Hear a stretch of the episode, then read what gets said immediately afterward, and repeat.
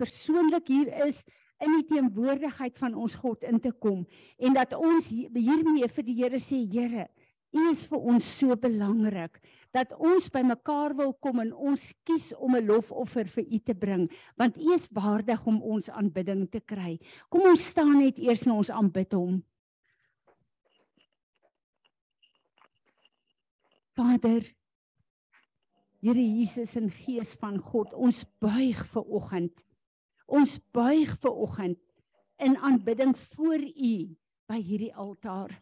Dankie dat ons kan kom Here en gees, siel en liggaam kan kom verklaar. Ons kies om U te aanbid Here, want U is waardig om al die aanbidding in ons lewe te ontvang.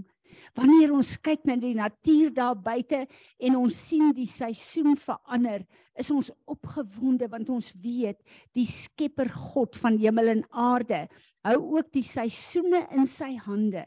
En daarom hou hy ook die seisoene in ons lewe aan die hand in u hande en ons wil kom saam met die skette skepping daar buite maar ook saam met die engele vir oggend die engele kore en ons wil kom uitroep heilig heilig heilig is die Here God almagtig hy wat is wat was wat sal wees tot in alle ewigheid ons God ons bron van sekuriteit wat nooit kan verander nie en Vader ons wil ver oggend kom en sê hierdie is die altaar waar u sê kom en kom offer julleself. Ons kom offer onsself ver oggend op hierdie altaar, Here.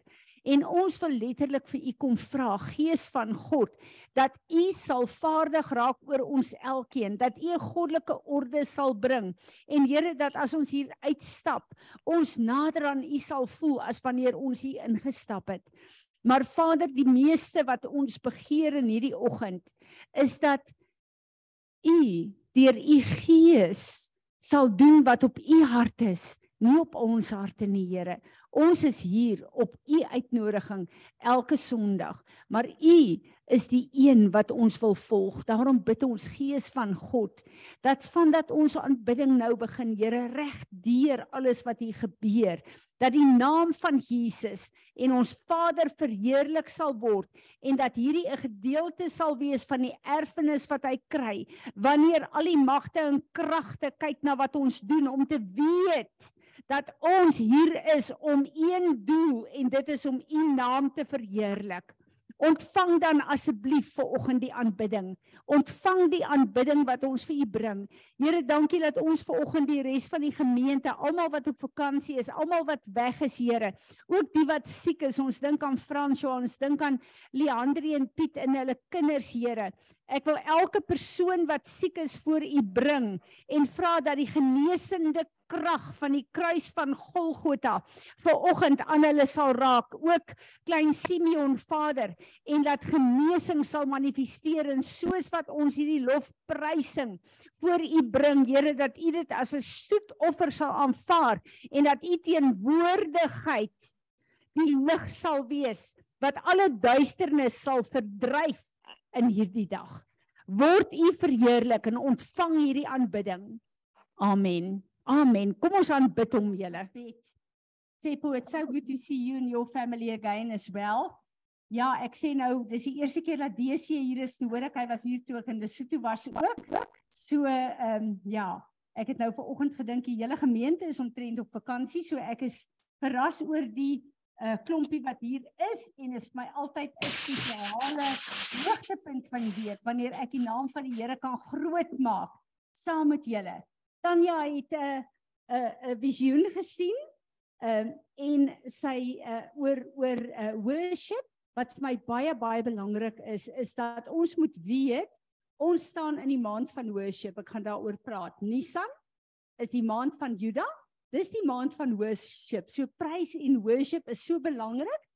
En ek het nie daaraan gedink verlede week toe die Here vir my gesê het stop 'n bietjie die diens en gaan in worship in nie. Ek het nie besef ons maak gereed om deur die hekke van Nissan te gaan nie. En dit was vir my baie baie spesiaal en dan ook dit wat Tanya daar sê, praise and worship is een van ons kragtigste wapens wat daar is. So ons moet dit onthou ook in hierdie maand van uh worship, maar ook van oorlogvoering. Goed, voor ons gaan begin bid die 9de April is dit Pessach. Dis dan nou ons drie feeste wat opkom, die die uh Pessach uh, bestaan uit die kruisiging van Jesus, die ongesuurde brode en dan die first fruit wat Jesus is ons opstanding. Hierdie is die belangrikste fees uh van ons as kinders van die Here en wat my hierdie jaar baie seën is dat daar's 'n hele paar van ons jong families wat op vakansie is op die oomblik. En hoewel die skool eers na die 9de begin, het hulle gereël om terug te wees betyds vir ons fees. En dit is my belangrik dat wat ons ook al reël, as die Here ons uitnooi na iets toe en dis een van sy feeste dat ons al ons reëling sover moontlik rondom dit sal sentreer. So ek het 'n opgewondenheid in my hart, die van julle wat nog nie vir Tanya laat weet het, julle kom die 9de April nie, ons gaan heerlike 'n 'n celebration hê in die gemeente en na die tyd gaan ons eet en natuurlik eet ons lamsbout want alles gaan oor die lam wat vir ons geslag is. En dan gaan ons sommer net lekker as 'n gemeente saam kuier. En as ek tussen die lyne lees dan klink dit of daar feestafels voorberei gaan word en uh dis my lekker om te besef dat uh hierdie is 'n hoogtepunt in ons gemeente. So dis aan April die 9de en weet dat uh die Here het gekom wat vir my so belangrik hiervan is. In my lewe is dit vir my een van die grootste ehm uh, uh, uh vreugdes dat God in Genesis 1 vers 14 gesê het Hier sit ek my appointed times en my feast in toe ek tyd geskaap het. Want daar sekere tye in tyd wat ek vir julle gee, ons Gregorian, ons Hebreë tyd, wat ek 'n uitnodiging het vir julle en sê kom. Hierdie is die tyd wat julle moet kyk hierna in julle lewe. En elke een van die feestye het 'n tyd in waar ek en jy op sy kan kom persoonlik, maar ook as 'n gemeente en sê Here, ondersoek my ondersoek my hart. Is ek in 'n goddelike orde? Wat is in my lewe wat moet verander? So dis 'n plek waar die Here ons tot stilstand laat kom en waar hy letterlik sy vergrootglas oor ons skyn deur Heilige Gees sodat ons kan sien daar's soveel plekke in die wêreld waar ons betrokke is, waar daar goed met ons gebeur, waar ons in ons werkplek is, waar ons waar daar goed van die wêreld aan ons kom vat julle En elkeen van ons weet dis die waarheid. Hierdie is 'n tyd om weer terug te kom en te sê, "U orde wil ek in my lewe hê." En die Here gee vir my hierdie prentjie van van die appointed time en die uitnodiging. As 'n um, 'n uh, 'n uh, enige een my uitnooi, daar's 'n daar's in ons gemeente 'n boere sportdag. Dan weet ek min of meer waaroor hierdie dag gaan en ek pak 'n cool bag vir my in en ek vat sonskerm en ek trek die regte klere aan en ek berei my voor om saam te gaan celebrate met die hele gemeenskap en om 'n lekker dag te hê van feesviering. Maar as iemand my na 'n troue toe er, nooi waar daar 'n verbond gesluit word, dan gaan ek sorg dat ek die regte klere aan het om die een wat my uitgenooi het te eer met hoe ek myself daar gaan present. En dan kom ek op die regte manier met die regte verwagting met my geskenk vir hierdie huwelikspaar kom ek na die troue toe. Ek gaan nie met tekkies en 'n sonrok na hierdie troue toe nie. Ons is genooi om ons verbond te kom herdenk met die verbondsgod. En daarom het ek en jy 'n voorbereidingstyd. Net soos alle ander uitnodigings om ons voor te berei en te kyk hoe lyk my kleed. Het ek nog die kleed van the cloak uh, the cloak of righteousness? Is this how I look in the spirit? Or has things in this life defiled my cloak, my robe of righteousness? En dis die tyd wat ons die woord kan vat ons kan was en dit kan skoonmaak dat wanneer ons hom ontmoet in Pessach dat ons lyk soos wat die verbond wat ons gaan hernie gaan vier soos wat daai verbond van ons verwag. So hierdie is 'n wonderlike tyd, maar ek wil vir julle sê dis ook 'n heilige tyd. Dis regtig 'n heilige tyd. Ek wil nie nou in die woord ingaan nie, maar ek wil vir julle ook sê Ehm um, verlede keer het ek vir julle met julle gedeel uh dat uh ehm uh, ons geloof om Jesus aan te neem. Daai woord in die Grieks beteken titelakte. Dit wil sê daar was 'n transaksie waar ek en jy, ons is mos die huis van God. Gekoop is deur God. So ons is sy eiendom, ons behoort aan hom.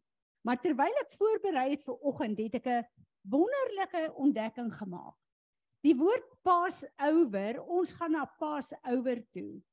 En in uh, actually skrif in ons boodskap lees, het daar gestaan dat Abraham was 'n Hebreë. Maar Abraham het uit eruit gekom. Hy het niks met die Israeliete te doen, doen gehad nie. But because he crossed over, he became a Hebrew. Ons is op die punt van Passover. We are crossing over. En met ons wedergeboorte het ons gecross over. En die Hebreëse woord, een van die wortelwoorde wat hulle tot vandag in Israel gebruik, die Jode. As jy trek van een huis na 'n ander, dan gee hulle die woord Passover. So wat gebeur is ek en jy herdenk die dag toe ek en jy huise verander het. Toe ons uitgestap het uit ons vlees en uit die wêreld uit en toe ons ingekom het in die koninkryk van God. Wat 'n wonderlike gedagte is dit net nie. Ek sal in die woord 'n bietjie meer daarvoor oor gaan ingaan. Kom ons bid net eers 'n bietjie dat ons regtig waar ek het so 'n uh, ons het 'n uh, so 'n uh, dankbaarheid in ons harte oor wat gebeur het maandag. Ons weet dit was suiwer gebed geweest. Dit gaan nie in hierdie land oor politieke partye nie. Dit gaan oor Jesus Christus. En wanneer die vyand deur mense wil opstaan om 'n distraction in hierdie land te bring en ons roep God aan, dan kom hy na vore en hy help ons. En oral selfs in die koerant opskrifte staan daar flou makou. Het alles net plat geval. En ek weet, dis omdat ons gebid het en dis oor wat God gedoen het. So ek wil Fanie, ek gaan jou op die spot sit. Ek wil hê Fanie moet kom dankie sê vir die Here en hy moet kom bid vir Suid-Afrika. En dan wil ek Natasha sit vir my die Zoom ouens op asseblief. Uh dan wil ek hê ons moet uh, bid vir Israel. Julle weet wat aangaan op die oomblik in Israel. Israel is op 'n baie baie gevaarlike plek. So uh Petro, ek gaan vir jou vra om vir ons te bid vir Israel asseblief. Ehm um, ja, dankie. Ek wil hê ons moet bid vir die twee. Uh dankie Fanie, sal jy eers kom en dan kan Petro vir ons oorgaan.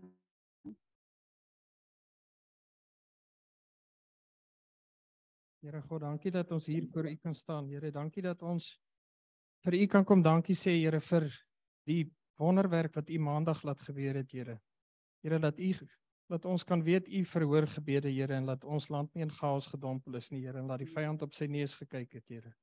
Here, ons kom vra U ook om ons land verder te seën, Here, en laat dat ons deur gebed U genade sal ontvang, Here, om ons land reg te ruk, Here, en weer 'n land van Jesus Christus te maak, Here, wat na u kyk vir alles wat ons nodig het, Here. Ons Here, ons wil u kom dank vir vir die seisoen wat u vir ons gegee het, Here, vir ons as landbouers en ook vir ons land, Here, die seisoen van voorspoed en die teëspoed, Here. Dankie vir u genade wat u ook oor ons uitstort, Here. Seën ons land ook en gee vir ons vrede en rustigheid in ons land, Here. Dankie vir alles wat u vir ons doen. Amen. Amen. Dankie Petro voor jy begin bid. Dis so belangrik vir ons as Suid-Afrikaners. Dis hoekom ons ook hierdie uh banner hier het wat uh Izet vir ons gemaak het. Die Here sê ons moet bid vir die vrede van Jerusalem. En God het die Gentiles ons laat inkom omdat Israel se harte hard was. Maar daar's 'n tyd wat God Israel wil terugbring in die regmatige plek. En daarom het ek en jy as die kerk van Jesus Christus die plig om te bid dat die Jode wat Jesus gaan aanneem in die eindtye dat hulle sal kom en hulle knie sal buig voor God. Dankie uh Petro. Môre almal. Vader baie dankie. Vader, hier waar ons ver oggend stil kan raak en waar ons vir Israel kan bid. Vader, U gee vir ons die opdrag soos tannie Fransie ook reeds genoem het, Vader om vir Israel te bid. Vader, U woord wat sê in Genesis, U sal seën diegene wat Abraham se nageslag seën, Vader God, en U sal vervloek diegene wat hom vervloek. Vader, en ons wil kom en ons wil Israel kom seën, Vader God, in die naam van Jesus Christus. Vader, ons wil kom bid vir die vrede van Jerusalem. Vader, en alhoewel ons nie eens weet en ek presies eers weet wat alles in Israel aan die gang is nie, maar wil ons kom bid en vra vir daardie vrede van Israel, Vader. En Vader, dat U se hand van bewaring oor Israel sal wees soos nooit vantevore in hierdie tyd in die Vader. Wat aan die Frans ook nou gepraat het rondom harte wat hart is. Vader, U is die enigste een wat kan ingryp en kan kom help, Vader. Dat U elke plek waar daar woede, waar daar seer is, waar dit voel of Israel alleen staan, Vader, U dat U dit al emosies sal kom uitdruk, Vader, en dat 'n bonatuurlike rustigheid en 'n kalmte sal oor Israel ook kom en net weet U is in beheer, Vader. En dat U perfekte doel en U perfekte plan wat haar vir Israel is, dat dit tot vervulling sal kom. En Vader, saam met dit gesê, weet ons dat in U tyd sal gebeur, Vader, en nie in ons tyd nie. En ek bid bid en vra, Vader, dat U dit op die regte tye sal laat geskied. Vader, ek bid en vra dat ons almal wat nie in 'n in 'n orde is om gereeld vir Israel te bid nie, dat ons sal opstaan, Vader, dat ons ons plekke en ons posisies sal inneem, nie net ons Suid-Afrikaners nie, maar die res van die wêreld ook, Vader, dat ons sal saam staan en bid vir die vrede van Israel en vir die beskerming en Vader alles wat daarin in in die gang is. Maar Vader, dankie vir die liefde, dankie vir die omgee en dankie dat ons weet dat U in beheer is, Vader. Ons bid dit alles in die naam van Jesus Christus alleen. Amen. Amen.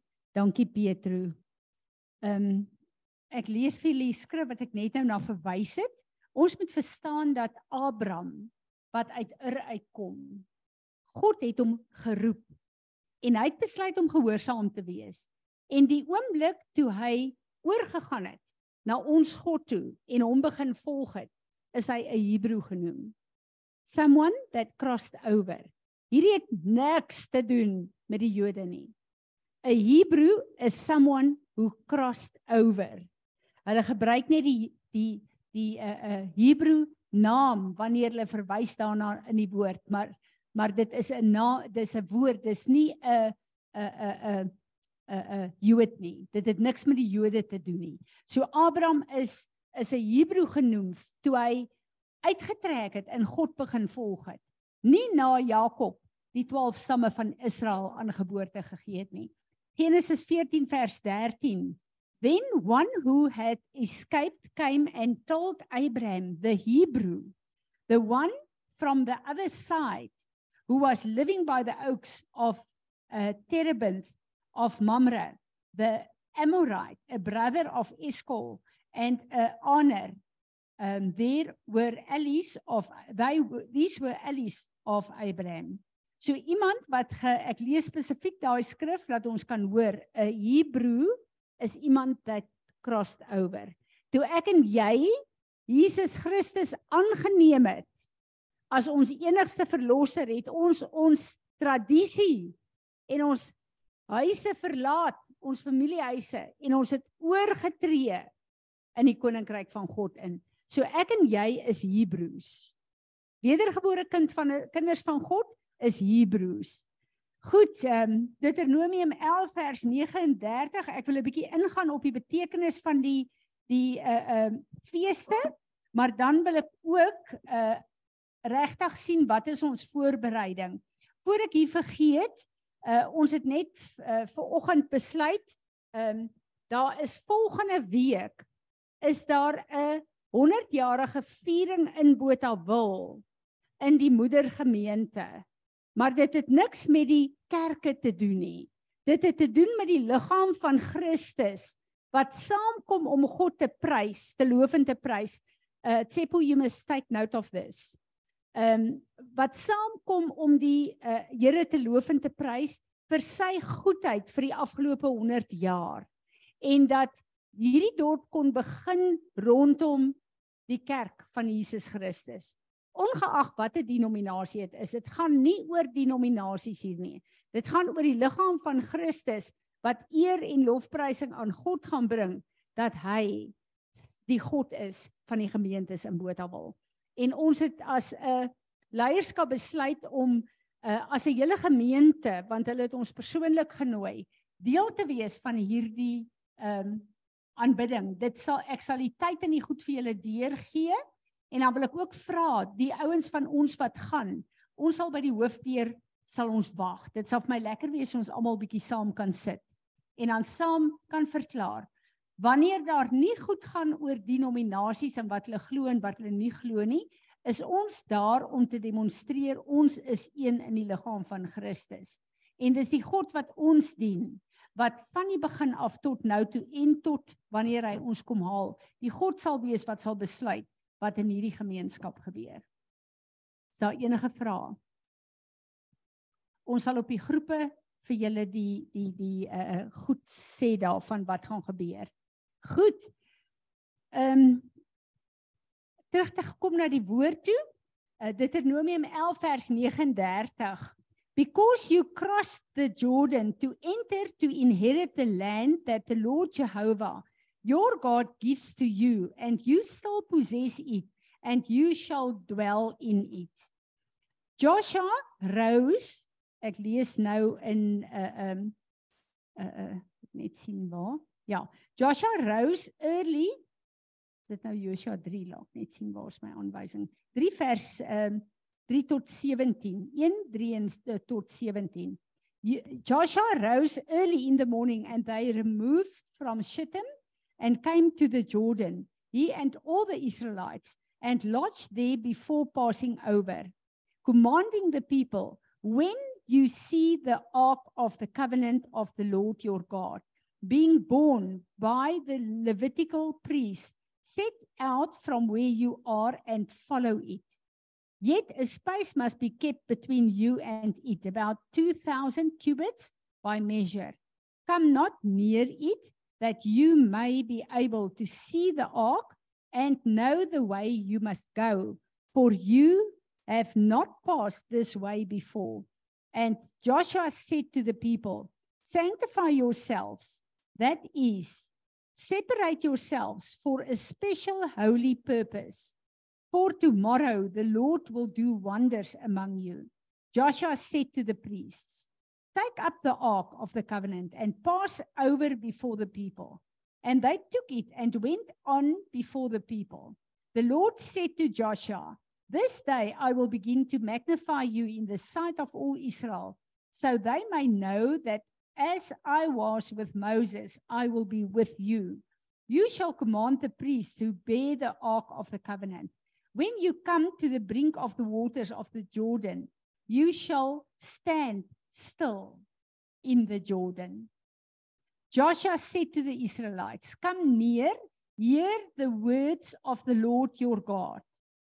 Joshua said, Hereby you shall know that the living God is among you, and that he will surely drive out before you the Canaanites, the Hittites, the Hivites, the Perizzites, the Girasites, the Amorites, the Jebusites.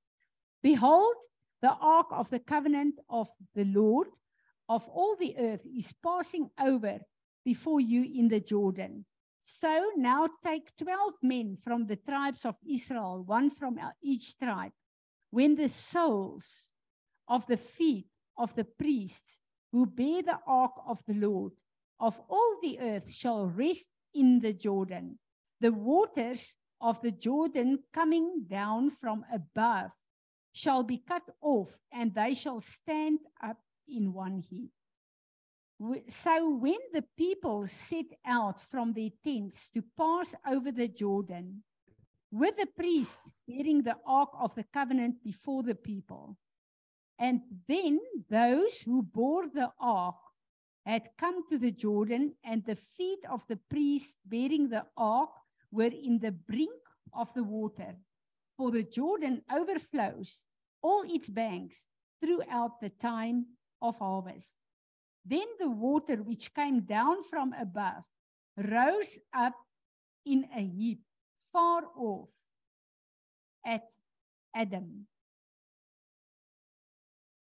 The city that is beside Zarehan, and those flowing down towards the sea of the Araba, the Salt Dead Sea, were wholly, wholly cut off and the people passed over opposite the Jordan. Dis baie interessant wat hier staan. Die mense het reeds hulle wedergeboorte gehad meer as 40 jaar terug. Toe hulle deur die Rooi See gegaan het en dieselfde scenario het daar plaasgevind. Hierdie keer was dit net die see het oopgegaan voor hulle. En as ons gaan lees daai hele plek van die see wat oopgegaan het. Al wat Moses moes doen is hy moes die staf uitgesteek het oor die see. Hy moes in geloof moes hy iets gedoen het. Nou staan die Israeliete voor die Jordaanrivier. Na hulle 40 jaar gevat het om 'n generasie te kry wat bereid is om God te volg vir wie hy is. En nie hulle eie persepsies, hulle eie redenasies, hulle eie moaning and groaning nie. Dit het hulle 40 jaar gevat om op 'n plek te kom waar hulle bereid was om God te volg soos God sê en nie soos hulle wil nie. Soos hulle tradisie wil nie, soos hulle families wil nie. Soos dit waar in hulle opgegroei het, die sosiale gemeenskap waarin hulle groot geword het.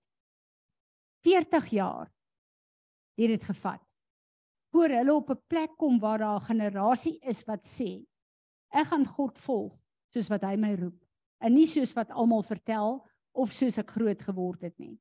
Ek gaan my eie keuse maak van hoe ek God wil volg. Want elkeen van ons wat hier sit, kom uit gesinne uit Wie van julle het agtergekom jou pa en jou ma is nie perfekte mense gewees nie? Hulle het baie foute gemaak met ons almal.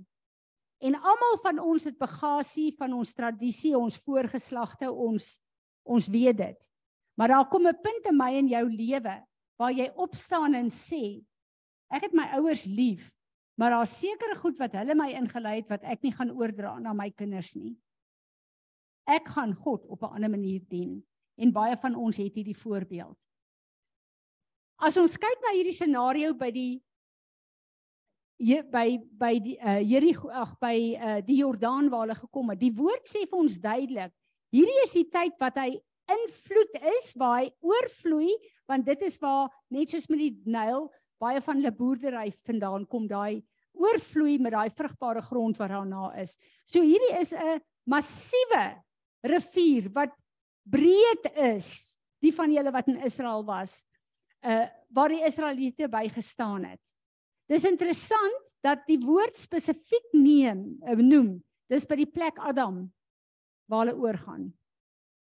Wat vir my sê die eerste Adam het dit gemis. Die laaste Adam het vir my en jou teruggebring na 'n plek toe waar ons weer ons land in besit kan neem.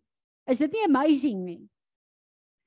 En hier staan hulle voor hierdie rivier wat kragtig is, wat vloei, wat oorloop oor sy walle en nou moet hulle hulle voete in die water sit en oor hierdie Jordaan gaan. Hulle het nie geweet die water gaan opgaan nie. Dis nie vir hulle gesê voor die tyd nie. En die priesters moes eers te gaan en die woord sê hulle moes hulle voete in die Jordaan sit. Nou kan jy nou maar dink soos 'n rivier werk hier waar dit nou vlak vlak is en waar jy staan waar jy nog half op die wal staan om met jou voete daar te staan en jy het nou hier 'n kragtige diep rivier wat jy moet oorlei, uh, oorgaan. Dis 'n besluit wat jy moet neem in baie omstandighede in ons lewe. Lyk dit ek gaan nie dit maak nie. Hierdie is nie moontlik vir my as 'n mens nie. Ek kan nie dit maak nie. Dis 'n plek waar ek en jy in geloof moet staan en sê Here, ek gee nie om wat ek sien nie, maar ek kies om U te volg en op grond van U woord. Onthou julle wat Petrus gedoen het? Jesus het gesê, "Kom. Jy kan nie op water loop nie. Die van julle wat dit dalk al probeer het, beer dit sal weet. Jy kan nie. Maar op grond van die woord van God, van Jesus, het het uh, Petrus Jesus geglo. En daai geloof het hom bekragtig om op die plek te staan waar die uh gravity van die water en van die aarde nie 'n uitwerking op hom gehad het nie, waar hy Jesus kon gevolg het. Baie keer maak goed nie vir my en jou sin nie. En die grootheid van goed wat ons in geloof moet doen, intimideer ons. Veral omdat ons 'n verlede het van plekke waar ons misluk het. Plekke waar ek en jy misluk het, is die grootste monumente wat die vyand gebruik as ek en jy nie deel met daai monumente nie. As ons nie die Here toelaat om daai goed uit die pad uit te vat nie. Kom ons kyk wat sê die woord hier. Die Here gee 'n paar ehm um, interessante goed in die woord. Heel eerste kom Josua en sê volg die ark. Nie volg die priesters nie. Volg die ark. En wanneer jy die ark sien deurgaan, gaan deur.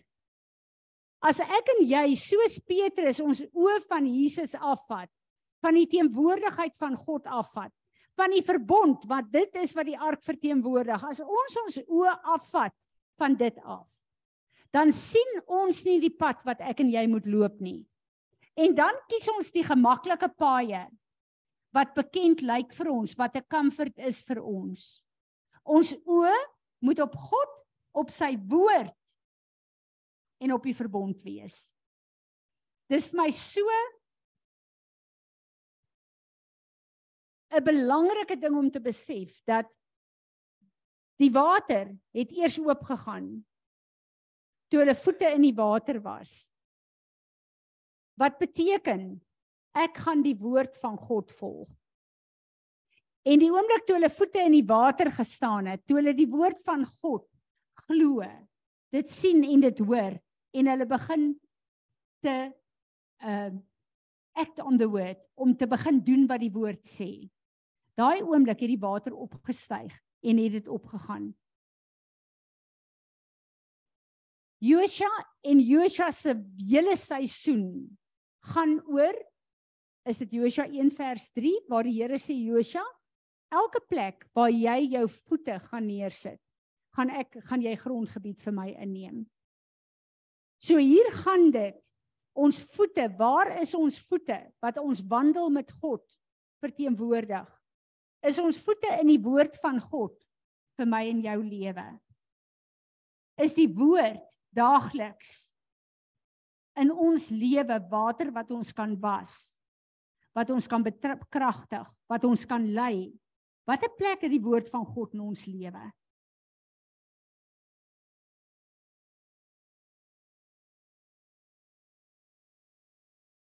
Ek en jy kan slegs deurgaan as ons soos die Israeliete in daai 40 jaar gedeel het met al die bagasie wat in ons lewe is. Wat lê daar in jou verlede wat nog steeds goed in jou aktiveer? Wat is daai plek waar as jou man of jou vrou met jou praat vererg jy jou en jy is sommer dadelik gereed vir 'n fight? Wat se triggers is daar in my en jou? Wat se bagasie het ek en jy waarmee ons nog nie gedeel het nie. Wanneer ek offended raak oor iets wat my familie of my boeties en my sussie doen in my lewe, daai fyn gevoeligheid. Wat is daar nog in my lewe waarmee ek moet deel? Want hierdie is alles die bagasie van die verlede. Hebreërs 12 vers 1 en 2 sê, "Therefore then, since we are surrounded by so great a cloud of witnesses, who have borne testimony to the truth, let us strip off and throw aside every encumbrance, unnecessary weight, weight, and that sin which is readily, deftly, and cleverly clings to and entangles us, and let us run with patient endurance and steady and active persistence the appointed course of the race that has been set before us, looking away from all that distract, distract us to Jesus, who is the leader and the source of our faith, giving the first incentive of our belief and also its finisher, bringing it to maturity and perfection. Wat sê hierdie woord? Hy sê jy ek moet myself strip vrymaak. Nie teen jy moet vir my bid vir elke ding in my lewe wat nou 'n realiteit is nie of ehm um, manie kom ek en jy doen nie verbondsmaal ek wil hê jy moet hieroor Daar's 'n plek vir dit alles. Maar daar's 'n plek waar daar goed is wat my en jou vashou, wat jy self na God toe moet gaan. En dat jy self vir die Here vra, Here, wat is daar? Wat skeiding maak in my lewe tussen U en my? En ek dink baie keer is dit baie goeie ding. En luister mooi wat ek sê. Wanneer jy en jou huweliksmaat op 'n goeie plek is met mekaar wat ons altyd behoort te wees, maar jy weet daar's tye wat bietjie hakerig gaan, nê. Nee. Gaan na jou maat toe en sê, "Wat is daar in my lewe wat jy sien? Wat 'n irritasie is vir jou?" Laat ek daarmee kan deel. Ja, nou moet ek met 'n glimlag eintlik sê ek het dit gedoen in ons leierskap en toe het een van hulle gesê, "Die feit dat ek die telefoon neersit voordat hulle klaar gepraat het, So ek repent sommer vir julle almal hierdie haastige geaardheid. En ek werk daaraan want my bedoeling is nie my bedoeling is net se klaar gepraat het, te klaar gepraat, maar ander mense is nie klaar gepraat nie. En weet julle wat, dis 'n irritasie vir baie mense. En as ek iets doen wat ander irriteer, dan moet ek daar ek moet werk daaraan. Want ek gee onnodige bagasie vir my boetie en my sussie en uh, ek gee aanstoot vir die mense wat my nie ken nie. So dis hierdie goed. Al klink dit en ek weet die meeste van julle lag want julle almal het dit ervaar met my. Al kan ek 20 keer vir julle sê, dis nie my bedoeling nie want ek is lief vir julle almal. Is dit 'n irritasie? So ek moet daaraan werk. En nou is ek die een wat eers 'n rukkie wag om te hoor of almal klaar gepraat het voor ek daai rooi knop druk. Maar hoeveel van hierdie goed wat sommer net irritasies is in ons lewe, kom die Here en hy sê vir ons in hierdie seisoen. Hier is iets wat ek wil hê wat uit jou lewe uit moet gaan want dit gee sekere mense aanstoot. En dit kan 'n struikelblok wees vir hulle. So ek moet daarmee deel en ek moet daai optrede van my verander op hierdie plek. Verstaan julle, dis nie hierdie groot reuse goed van sonde nie, want deur sy genade het God ons daarmee laat deel. Dis hierdie klein jakkalsies wat Paulus sê wat die wingerd totaal vernietig. En dis die seisoen waar die Here sê kom. Dis die oop hemel in hierdie maand wat ek wil hê ons moet 'n bietjie kyk daarna. En wanneer jy by jou eh, by die Jordaan kom, ek en jy kom nou weer by die kruisiging. Daar is 'n gedeelte van God se beloftes en beloofde land wat ons nog nie ingeneem het terwyl ons in hierdie dimensie in die wêreld is nie. Hierdie is die tyd om daarmee te deel met al hierdie bagasie want God het 'n roeping op my en jou lewe uit 'n beloofde land. Moenie kom op 'n plek waar jy dink, "Sjoe, dit gaan goed met my nie, my oeste lyk goed, my vrou is gesond, my kinders is gesond, ek is 'n geseënde van die Here nie." Dit kan baie keer jou tronk raak. Want dit is 'n plek van comfort waar jy 'n maatstaf het waar jy dink ek is nou oukei. Okay. Maar wat is God se maatstaf vir jou? En ons het hierdie week 'n bietjie gepraat oor daai skrif, wil laat jy dit nog nie gekry nie. Van waar God sê, daar's die engele meet my en jou. Daar's 'n measurement in die gees waarmee ons gemeet word. Wat word gemeet julle? Wat is dit wat die engele van God daagliks in my en jou lewe meet? Hoeveel ons toelaat dat die volheid van Jesus Christus in ons lewe gevestig raak. Dis al wat belangrik is. Nie hoe suksesvol ons het of hoe baie geld ons het of hoe wat ons is nie, hoe slim ons het, hoeveel grade ons het nie. Niks daarmee te doen nie. Hoeveel van die volheid van Jesus Christus is in my en jou? Want dit is die erfenis wat ons Vader deur die bloed van sy seun van ons elke een moet kry.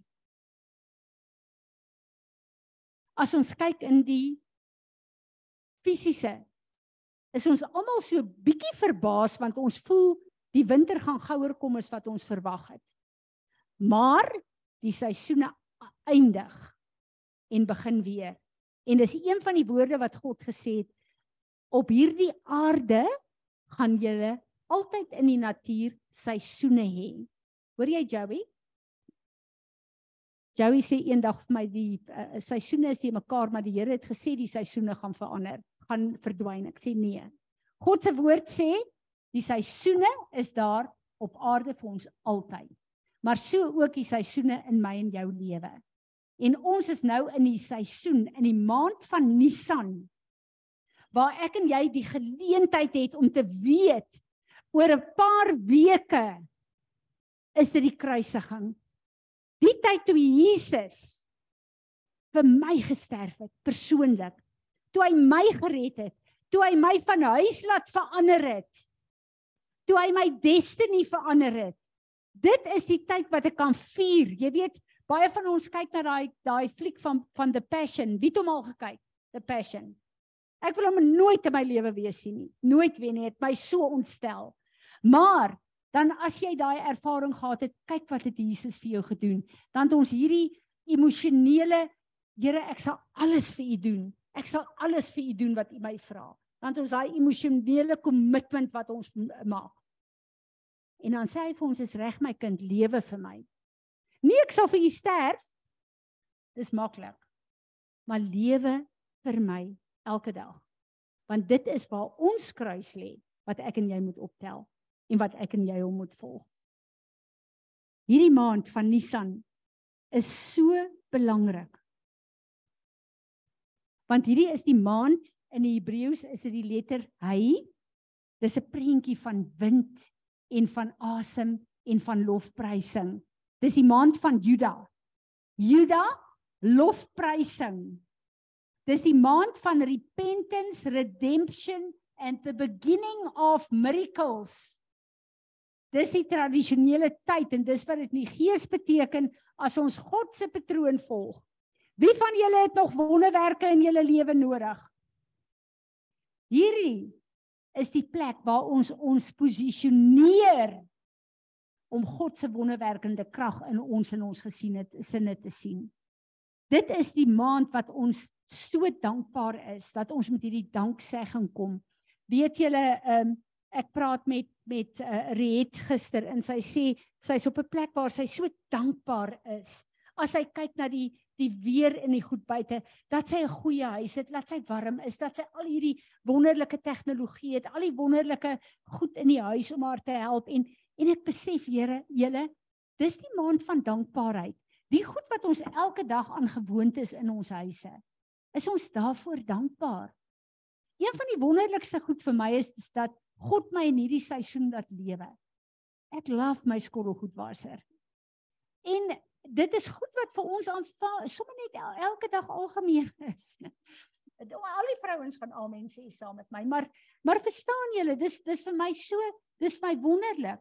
Ons kon gelewe het in 'n ander era. En dan sou God ons die genade daarvoor gegee het. Maar ons lewe in 'n tyd wat dinge vir ons in ons fisiese werk so maklik maak. So maklik maak.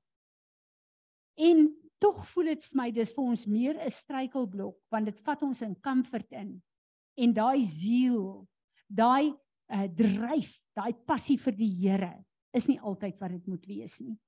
Hierdie is die konstellasie van die ram Wat beteken die hemel en die aarde saamgetuig van die heerlikheid van ons God? En daar was 'n tyd toe Abraham sy enigste seun moes offer. En God gesê het: "Jou geloof behaag my en daarom voorsien ek my seun." En hy daai ram. Dis waaroor hierdie konstellasie gaan. Jesus Christus, die lam van God. En dan sit ook ons first fruit celebration wat ek meer van later sal praat. En ons moet weet dat dis baie belangrik vir ons om hierdie goed te lees en dit te volg en te doen. Een van die grootste gebeurtenisse wat die voltooiing is van ons wedergeboorte is ons doop. Hoekom? Jy verklaar met jou doop al hierdie covenants en al hierdie goed wat ek met en my voorgeslagte met demoniese magte en afgode gesluit het. Ek stap daar uit. Ek klim in die water in. Ek vereenselwig my met sy dood en sy opstanding. Dit wil sê ek doop my in Jesus Christus en ek staan op in die visie wat hy vir my lewe het, nie wat ek van my lewe het nie. 1 Korintiërs 10 vers 2 en 3 sê and each one of them allowed himself also to be baptized into Moses in the cloud and in the sea. They were bro- thus brought under obligation of the law to Moses, to the covenant, consecrated and set apart to the service of God. And all of them ate the same spiritual, supernatural, given food. In die Ou Testament, met die verbond, het hulle die wet gehad. En wanneer hulle deur daai Rooi See gegaan het, was dit om hulle te doop in Moses en die visie wat God Moses as die leier die Israeliete laat inlei het. En daarom staan daar hulle was toe onder die wet gewees. Ek en jy is nie meer onder die wette van Israel nie. Ons is nie ons is onder Jesus Christus, die genade van Jesus Christus. Maar hulle moes hulle doop in die visie van daai tyd van God. Wat is God se visie nou? As ek en jy weer geestelik by die Jordaan staan omdat ons voor Pessach is om die beloofde land in te neem, moet ek en jy gedoop word in die visie wat se naam is Jesus Christus. Want hy is die een wat ons bloudruk kom uitkoop het en wat voorvader sê hier is u oorspronklike bloudrukplan vir elke een van hulle ek het die prys betaal. Daarom is dit so belangrik dat ek en jy geestelik sal verstaan waar ons is en dat ons in 'n plek is waar ons ons lewens voor God moet bring en sê wat is in my lewe wat die orde crossing over een van die woorde in Hebreëus is ook orde, orde there's a new order that need to come in your life. Wat beteken daar sekere dissipline in jou lewe wat moet terugkom ook? Daar's 'n orde as jy gedoop is in die visie wat God jou voor aarde toe gestuur het. Amen. Mag die Here die erns van hierdie seisoen en hierdie fees vir ons oopbreek en mag ons hom die geleentheid gee om te deel deur sy woord deur Heilige Gees met alles in ons lewe wat aan ons kom klou het wat eintlik van die wêreld is. En mag sy woord in hierdie seisoen ons opnuut kom was en kom bekragtig. Kom ons bid saam kom ons staan Vader, ons wil vir U dankie sê vir U woord. Ons wil vir U dankie sê vir U seisoene. Ons wil vir U dankie sê vir die feeste. En ons wil vir U dankie sê vir die uitnodiging na Pessach toe. En ons wil as 'n gemeente sê, Here, ons aanvaar U uitnodiging. Help ons in hierdie tyd om ons klere en ons lewens reg te kry, om ons visie en ons fokus reg te kry dat ons u kan ontmoet in hierdie feeste op die regte plek. Ek bid dat u woord sal kom, dat u woord ons sal kom was, kom bekragtig. Dat u woord vir ons die rigting sal wys. Heilige Gees, u is die een wat die woord oopbreek, want die woord sê dat die letter is dood, maar u maak dit lewendig. Kom u letterlik en kom highlight die woord van God. Gebruik U die woord van God om ons te was, maar ook om ons te oortuig van sonde, geregtigheid en oordeel. Ons is so gereed daarvoor, Here. En ons bid in hierdie jaar dat U vir ons die openbaring sal gee in ons eie lewe, maar ook in hierdie gemeente van die tyd waarin ons is en hoe Pessach hierdie jaar moet lyk, want ons wil U ontmoet, Here, om U naam te verheerlik. Help ons met hierdie voorbereiding. Heilige Gees word vaardig oor ons. Bring die goddelike orde wat nodig is in ons elkeen se se lewens, maar ook in hierdie gemeente. Amen. Amen. Kom ons sit en ons gebruik die verbondsmaal. Is daar enige een van julle wat 'n woord het? 'n Skrif of 'n visioen?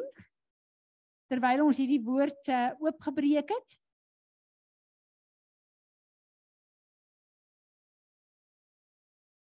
Ek het net daai getuienis wat ek weet vandag moet ek vir julle bring van hoe ons ons moet posisioneer en groter is die krag van God in ons as die gees van hierdie wêreld. Uh 2 weke terug het ek rose gesnoei in my tuin en ek is in die kant verby en ek sny, so ek het redelik baie beweeg in daai area en ek het skuins oorgeloop en my vlees het gevries. Dit het in my lewe nog nooit met my gebeur nie.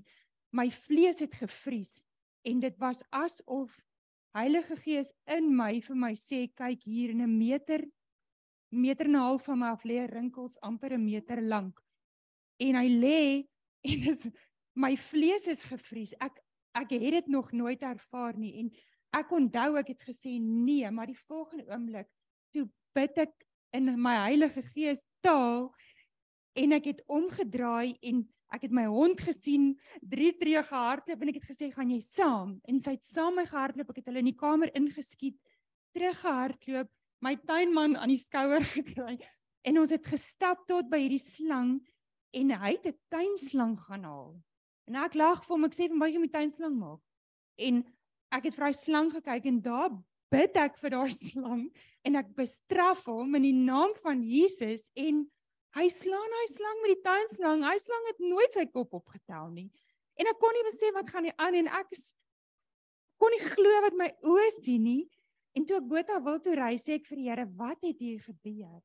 En dit was asof die Here vir my sê, "Heilige Gees, ons moenie na ons ability kyk nie, maar Gees in ons kan daai ding verlam in die gees dat hy nie eers en 'n rinkels beklei. Ek meen 'n rinkels is 'n kwaai slang. Hy hy's spierig en om ons te posisioneer sodat Heilige Gees deur ons kan werk en dat ons nie sal bang wees vir die groot goed in hierdie wêreld wat vir ons so kan in ons gesig groot lyk nie.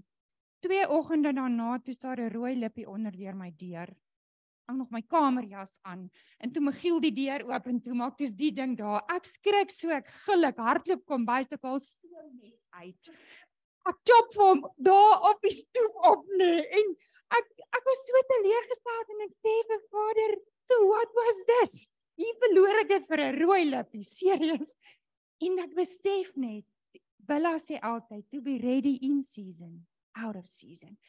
Om so gefokus te wees op Heilige Gees in ons groter is hy wat in ons woon as die gees van hierdie wêreld interessante ding sommer so tussenin te gooi is uh toe ons uh, ons kom Vrydag met die met die geestelike leiers in die gemeenskap bymekaar dan bid ons sommer net en ons het veral ook dankie gesê vir verlede maandag.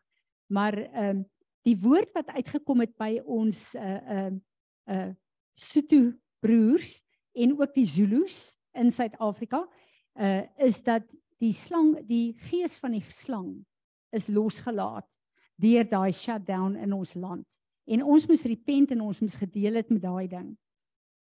Willa hulle was by die die gebedsgroep gewees. In ons gemeente daar was tot 'n slang in Willa se huis, in Daniel se huis. Daar's die een vrou by ons groep sê daar sy het na lewe nog nooit vandat sy in Botha wil op 'n plaas bly soveel fisiese slange gesien in een tyd nie. En as dit baie interessant om hierdie man by julle ook. Ja, en dan is dit baie interessant om te sien dat uh, daar is die gees van want ons weet die witchcraft uh Tsepo sal vir julle baie hiervan kan vertel, gebruik veral slange ook om uh hulle werk in witchcraft te doen. So uh net om vir julle te laat fokus, julle so baie slange mee deel, neem gesag in die goeie gees oor die witchcraft ook. Pieter, is jy gereed? Kom ons celebrate vandag die verbondstekens. Fransie, ek is ek ehm um, Kan julle my hoor? Ek is alhoewel Dankie. Ons wag vir jou. OK. Goeiemôre almal. Ehm um, ek wil vandag net gou 'n bietjie stil staan by die verbondsmaal by lojaliteit. Nou ons weet ehm um, die verbondsmaal is daar om te herdenk, te vir ewig en te vernuwe, ons gedagtes te vernuwe oor wat Jesus Christus vir ons gedoen het toe hy aan die kruis vir ons gesterf het. Dit moet vir ons dit moet ons actually altyd voor ons oë hou. Soos wat hulle in Engels so mooi sê, to perpetuate 'n verhouding wat nooit ophou nie. 'n Verhouding met hom wat vir ons alles gedoen het aan die kruis. ek wil eintlik meer 'n 'n voorbeeld gebruik van die verbondsmaal wat selfs in die Midde-Ooste en en veral met die voorbeeld wat ek het um ook onder nie-Christene um dat dat 'n verbond wat gesluit word so ernstig is ehm um, wanneer selfs hulle in in die in die Midde-Ooste in die in die ou tyd het hulle 'n brood gebreek met mekaar en ook 'n uh, eh, ehm um, wat wat hulle ook al gedrink het op daai stadium. Maar vir hulle was dit ook 'n plegtige en 'n heilige ooreenkoms wanneer wanneer hulle dit gedoen het met iemand. Ek gaan dit aanhaal of of ek gaan 'n voorbeeld gebruik van uh, toe die ehm uh, Midde-Ooste Midde-Ooste oorlog in 1948 was.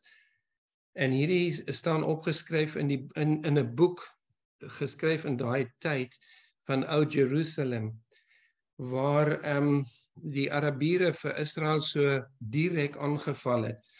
In daai tyd was daar 'n kibbutz gewees, ek wil die storie bietjie kort maak, was daar 'n kibbutz wat ver afgeleë was wat ehm um, nie die beskerm kon geword het deur die ehm um, Joodse soldate nie. En dit het toe nou ook so gebeur dat die Arabiere daai kibbutz heeltemal oorgeneem het, 'n klomp mense uitgemoor het, 'n klomp gevange geneem het. En onder andere was daar 'n jong Joodse meisie wat gevange geneem geneem is. En soos ons weet, die spoils ehm um, gaan dan gewoonlik die die buit gaan dan gewoonlik aan die aan die mense wat die oorwinning behaal het. En dan kon jy uit die aard van die saak met daardie oor met daardie spoil kon jy gemaak het wat jy wou en um, ons kan onsself indink wat was die planne van die soldate met hierdie jong meisie. En net toe hulle besig beginne besig raak met haar, toe kom 'n Arabiese soldaat daar in en hy skiet twee van hulle dood. Hy haal uit sy sak 'n stukkie brood en hy gee dit vir die meisie en hy sê vir haar sy moet dit eet. Wat sy toe nou ook gedoen het en ehm um, deur daardie aksie wat hy gedoen het, het hy het sy onder sy beskerming ingekom. En en die vraag ontstaan dan natuurlik, maar hoekom is dit die geval dat sy onder sy beskerming ingekom het? Dit is juis omdat hy 'n sigbare verbond met haar bewerkstellig het. En ek haal ook 'n gedeelte aan uit die boek, ehm um, waar hulle in Engels sê and even in the passion of war and lust the Arab soldiers respected that covenant relationship between the officer and the young Jewish woman. So die die verbondsmaal vir ons beteken dan ook in terme van ons verhouding wat beteken dit in terme van ons verhouding met mekaar dit omsluit die kommitment met teenoor mekaar met ander woorde ons toewyding teenoor teen teen een teenoor die ander ene in die die eenheid wat ons het in Jesus Christus, die liefde en dan die lojaliteit. En dis die punt waaroor ek vandag net so wat ek so vinnig wil aan aan bly vas uh, vas staan. Wanneer ons die brood breek, ehm um, dan bewys ons met mekaar, dan bewys ons ook 'n lojaliteit teenoor mekaar. En ons sien dit ook in die brief waar ehm um, Paulus dit in Korinte ehm um, nie net aan die uh, aan die verbond verbondsverantwoordelikhede teenoor Jesus Christus ehm um, uh, omskryf nie, maar ook tussen mekaar, ons ons teenoor mekaar self. Paulus herinner ons dat that we have in partaking of the covenant meal that we have to judge the body righteous uh, rightly. So deur deel te neem aan die verbondsmaal bewys ons ons toewyding ons ons oortuiging wat wat ons in Jesus Christus het aan mekaar en so ook aan die liggaam. Net soos daardie Arabiese soldate wat ek wat ek nou net na verwys het, um ongeag van hulle persoonlike gevoel wat hulle gehad het op daai oomblik, was hulle um het hulle daai Joodse uh, meisie gerespekteer omdat hulle offisier daai verbond uh, aangegaan het met haar en die brood gebreek het met haar. Dis juis dan wat ons dan sê ongeag van ons persoonlike gevoelens of emosies wanneer ons brood breek en wanneer ons die wyn drink die twee elemente wat Jesus Christus ehm um, gebruik het in die aand toe hy verraai is wat ons lees in Matteus 26 ehm um, uh, en hy die nuwe verbond ingestel het is ons verplig om lojaal te wees aan mekaar. Ons kan nie bekostig enigsins om agteraf of verraderlik teenoor mekaar te wees nie. Ehm um, Paulus sê dan ook ehm um, uh, hy, hy hy hy stel dit so dat hy sê daar's eintlik net twee alternatiewe. Of ons neem die regte uh, uh, ons neem dit in die stryd uh, in uh, sê mense in die in the stride of die regte verhouding wat jou dan sal seën en jou gesond 'n uh, uh, uh, gesondheid tot gevolg sal hê of jy kan die ander ene doen en en dit in die in die verkeerde verhouding doen en ons weet wat die uiteinde van die saak is daarvan. As 'n mens so oor dit nadink, dan is dit actually 'n baie somber gedagte. Maar dan weet ons ook dat die verbondsmaal in die in die verbond en die verbondverhouding 'n plegtige en 'n ernstige saak is wat ons nie sommer net ehm um, waar waar ons ook gesê word in die woord ondersoek jouself voordat jy jy dit gebruik. So ten slotte wil ek net sê mag die Here ons dan help dat ons hierdie nie ligtelik opneem nie. Dat ons hierdie verbondsmaal wanneer ons dit gebruik, wanneer ons dink aan mekaar, wanneer ons dit met mekaar doen, dat ons lojaal sal wees. Nie net jo lojaal teenoor onsself nie, maar ook in en teenoor ons medemense, maar ook lojaal teenoor dit wat Jesus Christus vir ons gedoen het aan die kruis. Ek wil net 'n vinnige gebed doen. Dankie Hemelse Vader vir die kruis. Dankie Here Jesus dat U bereid was om sonde te word vir my vir ons sondes. Dankie dat ons vandag in herinnering aan U dood die brood, U liggaam, die wyn, U bloed kan oplig en dit kan voorhou aan die aan die owerhede en magte van hierdie wêreld en kan sê hierdie is ons getuie vandag dat Jesus Christus ons redder en ons lewe is. En ons loof en ons eer U Jesus Christus vir dit wat U vir ons gedoen het. Dat U vir ons gesterf het, dat U deur deur U wonde daar vir ons genesing gekom het. Dat die vrede wat alle verstand te bowe gaan in ons vandag is om omdat U die stryd op U geneem het en dat ons ook in uh gesondheid kan lewe deur die hale wat U toegedien het. Dankie vir die kosbare bloed wat vir ons gevloei het sodat ons reinig gereinig kan word en skoon gewas kan word van ons sondes. Ons loof ons eer U daarvoor. Amen en amen. Dankie Pieter. Kom ons kry die verbondstekens. Amen. Wat 'n voorreg om saam die verbondsmaal te kan vier. Ehm um, ek dink sommer terwyl Pieter sê aan iets, ek kon nooit regtig verstaan hoekom het Jesus sy liggaam en sy bloed vir ons gegee om te drink nie. Omdat ons 'n westerse kultuur het, verstaan ons nie hierdie goed nie. In hulle kultuur waarin hulle groot geword het, daar was baie hongersnote in daai tyd ook gewees. En as jy in 'n verbond met iemand is, as ek en Hetty in 'n verbond met mekaar is, dan kom ek en ek sê ons ruil al die verbondsgoed uit, my goed is jou nou al hierdie goed ek stel vir jou. Maar Hetty en as hier 'n 'n 'n 'n famine is, 'n hongersnood is en daar's geen kos meer nie, dan lê ek my lewe neer. Jy kan my liggaam eet en my bloed drink om te oorleef. Ek sal sterf. En dit was vir my so openbaring En daat ek toe eintlik besef waar kom dit vandaan? Ek sal my liggaam vir jou breek en my bloed vir jou gee. Want dit was die laaste oorlewing wat daar was as iemand sal sê ek gee my liggaam vir jou, my bloed vir jou. Want ek wil hê jy moet lewe, ek sal sterf. Sjoe, en ek besef ons as westerlinge verstaan dit glad nie. Mag julle 'n geseënde wonderlike res van die dag hê. Natasha, speel vir ons asseblief die seën van die Here en dan gaan ons in vrede